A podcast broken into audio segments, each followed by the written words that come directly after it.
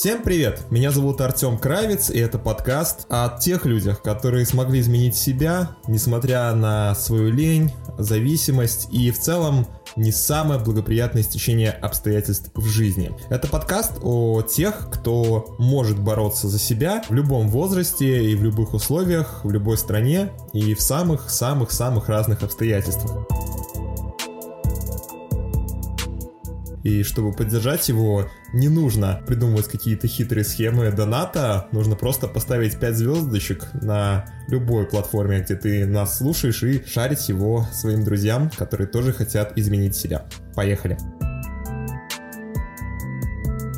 Итак, я хотел бы посвятить этот пилотный выпуск э, человеку, довольно неоднозначному, потому что этот человек, собственно говоря, является ведущим этого подкаста. А да, вот как-то так цинично и самоуверенно я решил начать с себя, потому что мне кажется, что моя история будет интересна тем людям, кто и в 20, и в 18, и в 16 лет испытывает определенные проблемы так называемого переходного возраста а, в постсоветских странах. Что это означает? Когда-то на белорусском портале онлайнер а, вышла статья про ребят, которые пережили, так скажем, период 2000-х, а родители их это люди, которые пережили 90-е. Так вот, родители, которые пережили 90-е, их дедушки и бабушки зачастую очень много вкладывают в своих детей. Поэтому наше поколение, так называемое XY, оно сформировалось таким образом, что родители нам помогают, строят нам дома, покупают тачки и зачастую не требуют от нас многого, хотя а, западный европейский стиль, он подразумевает как раз-таки обратное, что 18 лет ты живешь отдельно от родителей и никак от них не зависишь. Так вот, те, кому повезло в жизни и в целом а, они являются, там, скажем, не представителями там низшего класса, но среднего хотя бы, а, они все прекрасно себя чувствуют в 20, 25, 30 лет, в основном благодаря тому, что родители вопреки э, тем вещам, которые происходили в 90-е годы, вырастили их, э, дали им все, что можно было дать, и, собственно говоря, ничего от них не требуют. К таким людям отношусь и я. Э, родители в целом, наверное, у меня одни из самых лучших. У меня большинство друзей так или иначе сталкивались либо с абьюзингом в семье, либо с еще какими-то проблемами. И зачастую вот это вот закармливание ребенка не только физическое, но и духовное а, не идет ему на пользу. Что и случилось, наверное, со мной, хотя, с другой стороны, за счет вот этой вот а, социальной дистанции от других людей помимо семьи, то есть у меня была главная семья, ничто не важно, кроме семьи, я в свое время много прочитал умных книг и занимался с удовольствием творчеством до 9 класса и до 11 тоже. Например, с 9 по 11 класс я вообще практически не учился, а занимался больше какими-то творческими вещами, которыми не интересуются мои сверстники. Конечно, это может быть не самое классное занятие для парня э, в возрасте 14 лет, но белорусский менталитет, он существует, и я замечаю по многим своим знакомым, что кто не родился в деревне, городские ребята, так или иначе не привыкли в основном, ну если это не сироты, конечно, а, к какому-то жесткому обращению, что сейчас и видно по событиям последних дней, когда вся страна просто в шоке, что у нас а, рядом с нами существует ОМОН.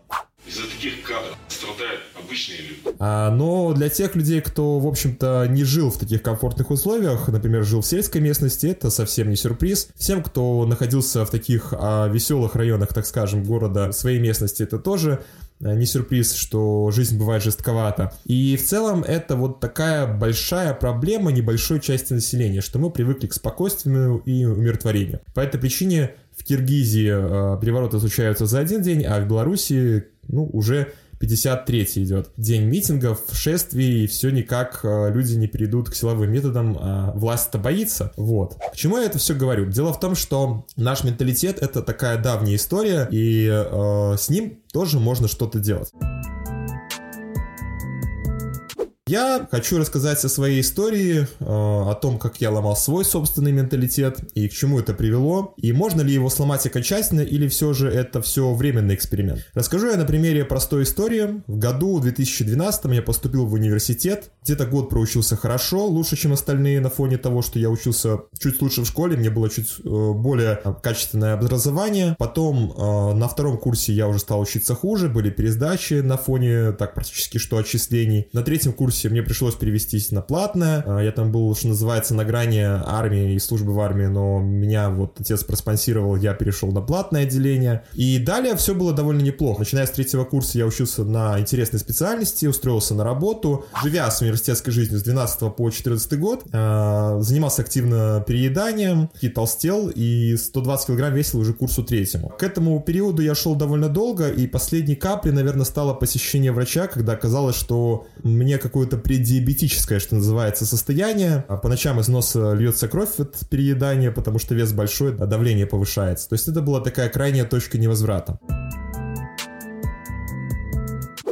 Что меня сподвигло в 23, тогда уже или 22 года, изменить себя кардинальным образом? Для меня это несколько факторов. Первое – это личный фактор. А, для меня долгие, долгие годы а, вопросом было большим моя личностная ориентация, внутренняя и, ну, собственно говоря, сексуальная. Так вот, э, в какой-то момент, наверное, курсу третьему, я задумался над вопросом, а могу ли я стать лучше не только физически, но и духовно, и профессионально, и вообще по всем, по всем фронтам. И вот в этот момент, в момент, когда я, в принципе, уже на все забил, я сконцентрировался на идее какого-то жизненного увлечения, и я на два года вылетел из пространства, которое называется паранормальная жизнь. Э, за тот период с третьего по четвертый курс, что я учился, я похудел на 30 килограмм, э, причем это все было через боль, через ненависть, через слезы. Я поднимался и спускался с первого на 14 этаж, ходил сам в тренажерку, занимался, работал, начал работать в то время в большой крупном агентстве, Э, через полгода стал э, на более высокую должность. Спустя еще год, скажем так, при соучастии одного из менеджеров вывел в рамках агентства новую услугу рекламную на рынок Москвы а,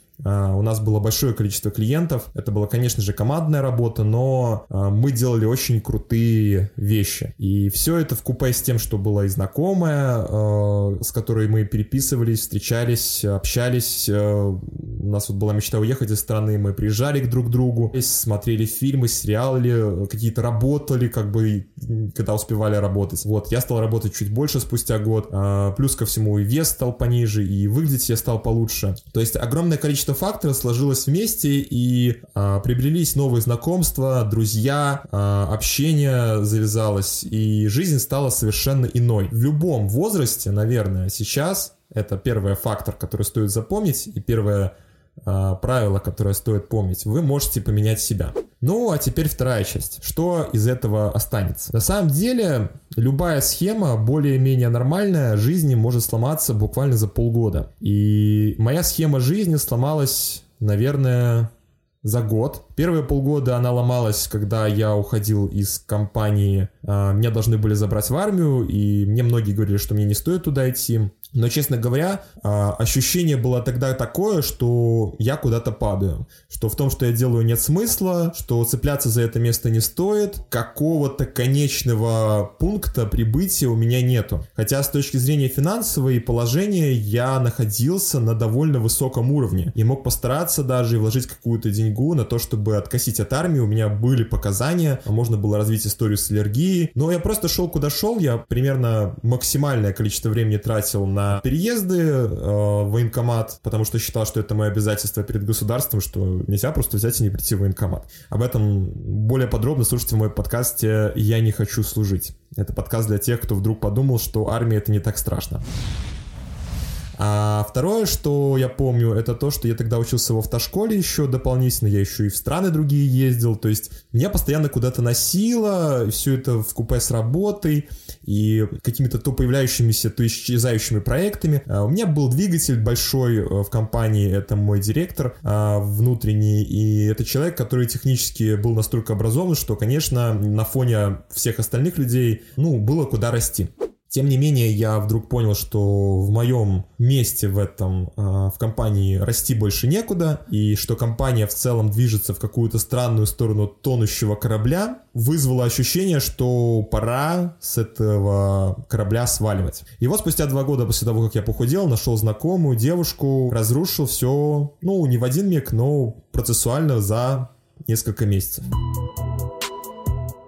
Первое, что я сделал, э, конечно же, перед тем, как пойти в армию, я ошибся и потратил все деньги, которые мне пришли, на перелет в Шри-Ланку. Я мечтал увидеть океан, и я до сих пор считаю, что это было разумное решение. Но проблема в том, что я поехал туда один, а когда вы едете на отдых один, тратите большое количество денег, которые потенциально не можете вернуть. Финансово я не был обеспечен ничем после ухода в армию. К сожалению, в нашей стране в силу белорусского же менталитета финансовой грамотности мало кого учат. А это очень важно. У меня не было работы, у меня был незакрытый кредит а, небольшой, и он больше не обеспечивался финансово моими заработками. То есть я не захотел возвращаться в компанию и попросил, чтобы меня также туда не возвращали. И дело в том, что на самом деле и это решение впоследствии оказалось не глупым, абсолютно по случайным причинам, не персональным, от, от, от, отнюдь. Вот, просто как бы чуйка такая. И я хочу сказать, что на самом деле э, вот отказ от распределения, у меня было распределение, это была тоже одна из причин, по которой я шел в армию, я не хотел